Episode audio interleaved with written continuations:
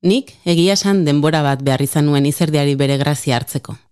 Ez nahi zino izalpera izan, eta beti gustatu izan zain mugitzea eta geldirik ez egotea. Korrika, saltoka eta jiraka. Nere buruarekin dantzan eta jolasean aritu izan naiz beti. Txiki txikitatik. Baina kirola beste zerbait da. Kirolak norbere mugak neurtzen ditu. Ezfortzua, nekea eta jarritako helburetara iristeko egiteko gai garen alegina.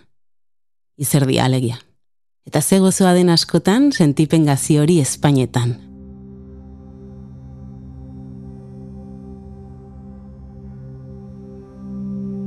Artu gaurko urratsa beste entrenamentu bat bezala. Egunero zure kirolean entrenatzen duzun bezala, hartu tarte bat zure burua ere entrenatzeko. Zure kirol praktikan markarik onena lortzen saiatzen zaren bezala, saiatu urratxonetan ere eman dezakezun guztia eskaintzen zure gorputza eta burua batera entrenatuz, soilik lortuko baituzu zure onena ematea.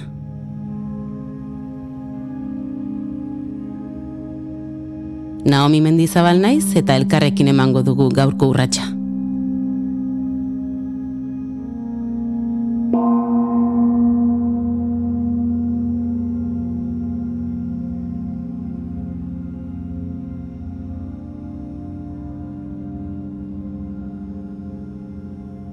Utzi zure begiak isten lasai eta mantendu itxita saio guztian zehar. Sentitu zure ingurua, zauden lekua. Egin barne ikusmira bat zauden lekuaren inguruan. Laurmak, sabaia, lurra, zure gorputza bertan etzanda edo eserita. Sentitu postura eroso batean zaudela egin behar dituzun mugimendu guztiak eroso egoteko, zure lekua topatzeko. Oso garrantzitsua da eroso egotea, erlaxatuta. Mugitzen baldin bazabiltza, saioan zehar lortu duzun erlaxazio egoera etengo duzu. Beraz, hartu denbora bat zure gorputza eroso eta lasai sentitzeko.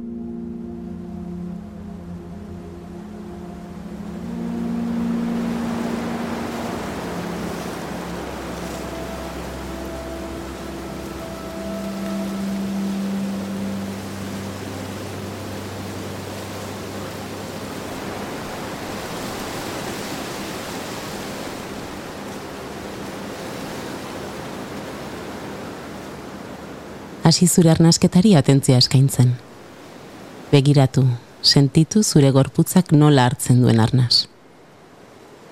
Burutu zure arnasketa mandala bat margotzen ariko bazina bezala. Leun, poliki. Une oro egiten zabiltzan horretan atentzioa ezarriz. Ez saiatu arnasketa aldatzen edo kontrolatzen utzi zure gorputzak arnasa aske ardezan. Arnasa hartzen duzunean, lasaitasunez betetzen zara. Eta arnasa botatzen duzunean, tentsioak askatzen dituzu.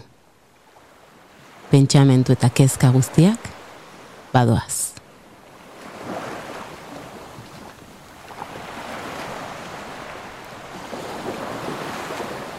Jarraian, jarri arreta zure sudurrean. Hasi sudurretik arnasa hartzen eta askatu ahotik.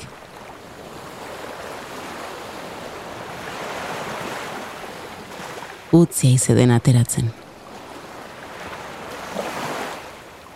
Saiatu beste behin. Hartu arnasa sudurretik eta askatu den dena ahotik. Sentitu nola hoa eta matraila aske geratu diren.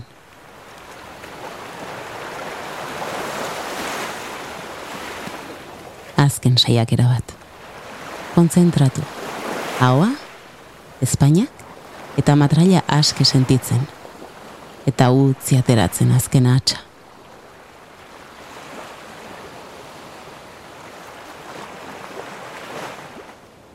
Jarraian hartu eta botarnasa sudurretik egin arnasketa modu harmoniatxu eta lasai batean. Isiltasunean hartu arnasa poliki, eta joan askatzen pixkanaka sudurretik.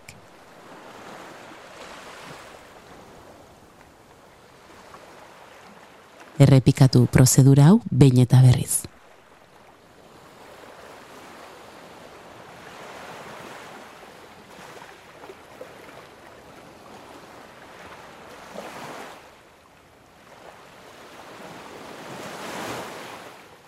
Zure gorputza erlaxatzeko, jarri arreta gorputzeko atal nagusietan. Sentitu oinak, zangoak, aldakak, bizkar osoa, sabela, bularra, besoak,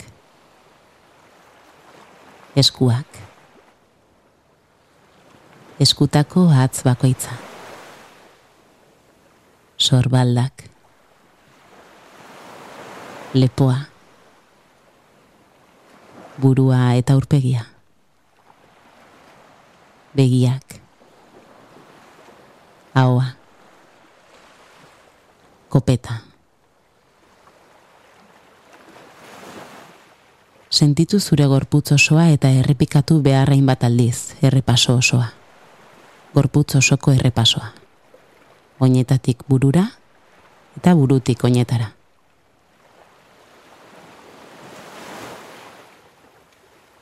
Orain, zure arnasketak, zure gorputzak eta zuk zeuk bat egin duzue.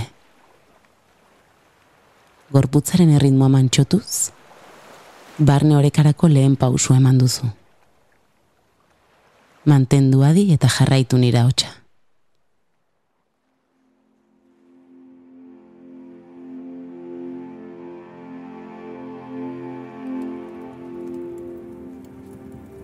Etxean zaude.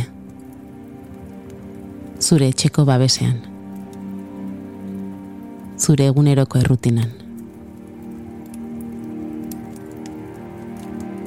Dena harmonian dago.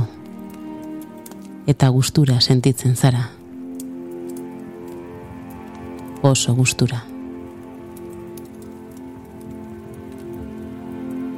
Etxetik atera eta bidaia bat egiteko erronka sortu zaizu.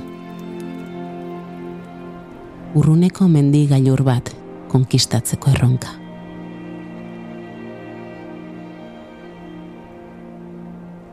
Erronka horretarako prestakuntza bat egin behar duzu. Eta horregatik, beharrezkoa gainean hartu, eta martxan jarri zara.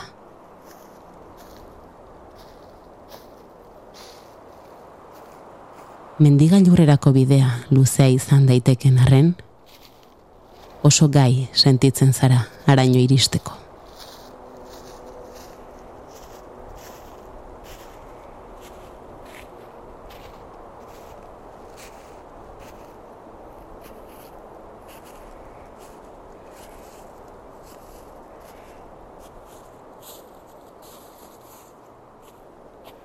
Bidean zoazela, ordea, lehen kezkak agertu zaizkizu.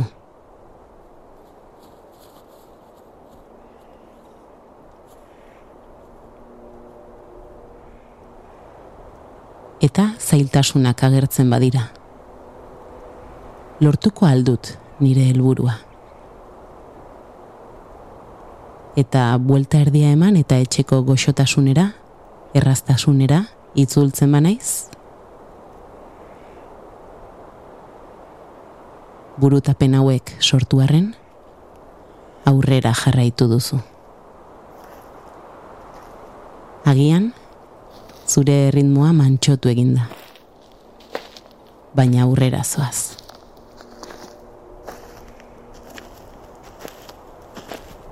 Izan ere, burutapen hauei aurre egiteak beste indar bultzada bat eman dizu.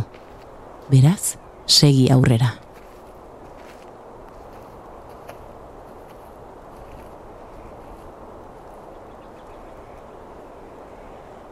Bidean zoazela, agian, beste bidelagun batzuk topatuko dituzu. Zure helburua mendigailurrera taldean iristea baldin bada, egin bat taldeko energiarekin sentitu zure bide lagun bakoitzak bere etxetik daraman energia, bere barrenetik daramana.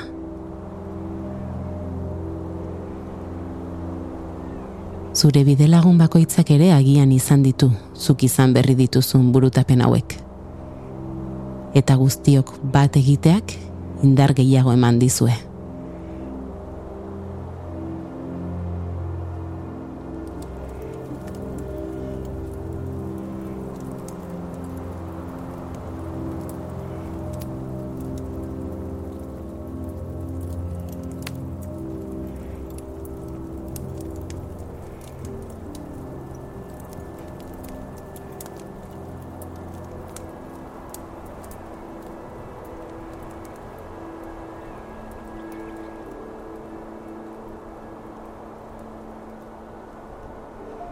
Sentitu energia hau bat egiten.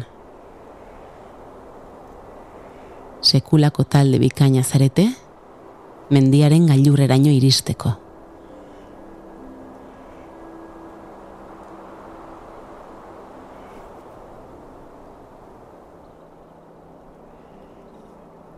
Bestalde, zure bidea bakarrik egin nahi baduzu, segi aurrera motxila ondo prestatuta daramazu, eta zure gorputzak hori badaki. Prest sentitzen zara datorrenari aurre egiteko.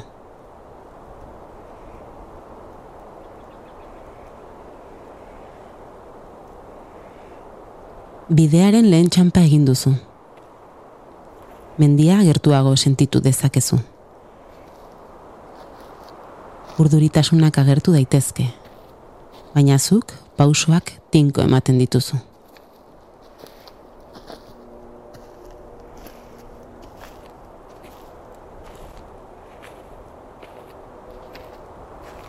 Dato zen pausuak ordea, neketsuagoak ari zaizkizu egiten. Maldan gora baitzoaz.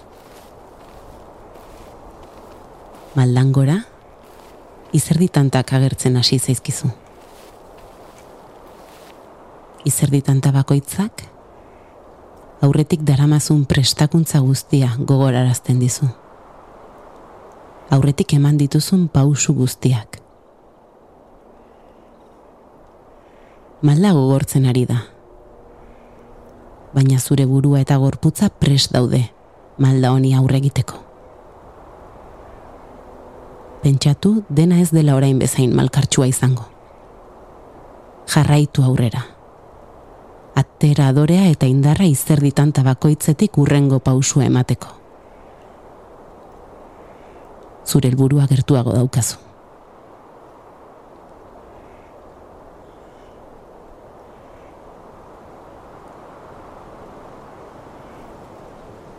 Aldapari aurre egin diozu, eta goi lautada batera iritsi zara. Geldialdi bat egin bertan.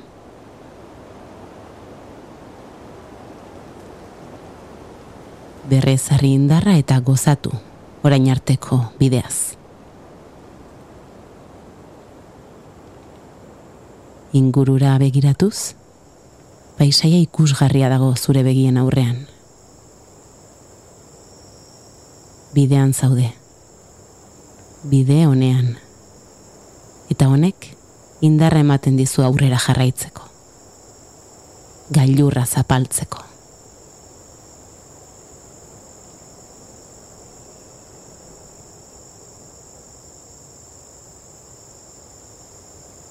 Onaino egin duzun bidean, asko ikusi eta ikasi duzu. Zailtasunei aurre egiten ikasi duzu.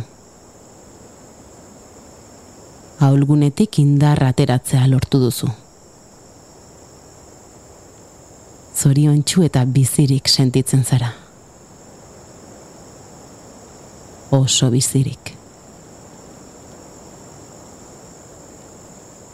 Hasierako helburura iristen ez baldin bazara ere, orain arteko lanak irabazle egiten zaitu. Irabazle zara, etxeko errutinatik atera, eta zure kabuz aurrera egin eta zerbait berria ikasten duzun une oro.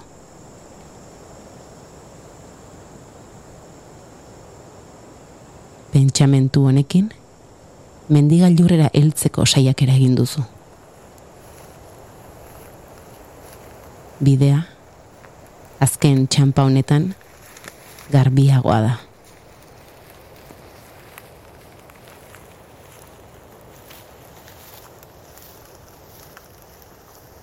Amildegiak daude gailurraren inguruan. Pausu oker bat emanez gero, pentsamendu ezkorren bat izanez gero, atentzio fokua desbideratuz gero, bidea galdu eta hasierako puntura edo tazulora erori zaitezke. Beraz, azken txampa honetan oso garrantzitsua da esaldi edo hitz boteretsu bat izatea. Sortu zure buruan zuretzako baliagarria izan daiteken esaldi bat. Esaldiak, orainaldian eta lehen pertsonan izan behar du eta oskatu orduko imaginatu egi bihurtzen dela. Errepikatu esaldia hiru aldiz.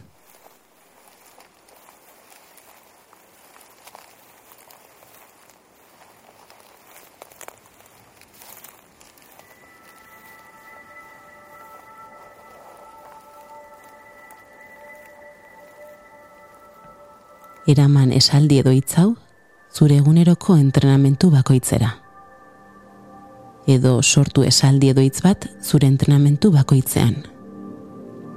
Ahulguneren bat duzunean, gogoratu esaldi edo hitzonek daraman energia zuk sortu duzula. Eta esaldi honek eta zure esfortzuak nahi duzun lekuraino eramango zaituela.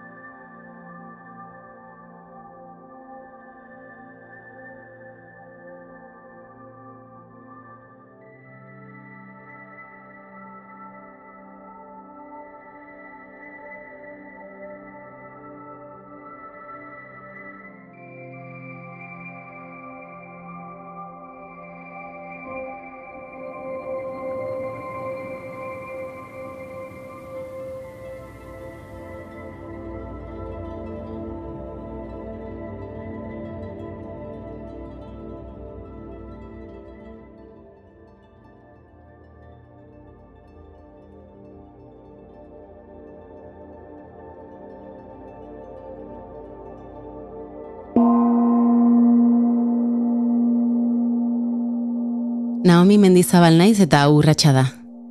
Ulu Mediak ITB podcastentzat ekoitzitako saioa. Astero astero urrats bat emango dugu elkarrekin. Urrats bat bizi enpresa albo batera uzteko. Urrats bat gure barrenera. Gustatu baldin bazaizu arpidetu zure audio plataforman edo jarraitu gaitzazu Twitter eta Instagramen. Urrengor arte, zain duzu eta zure ingurukoak. Ei, txt, entzun hori. Ulu Media.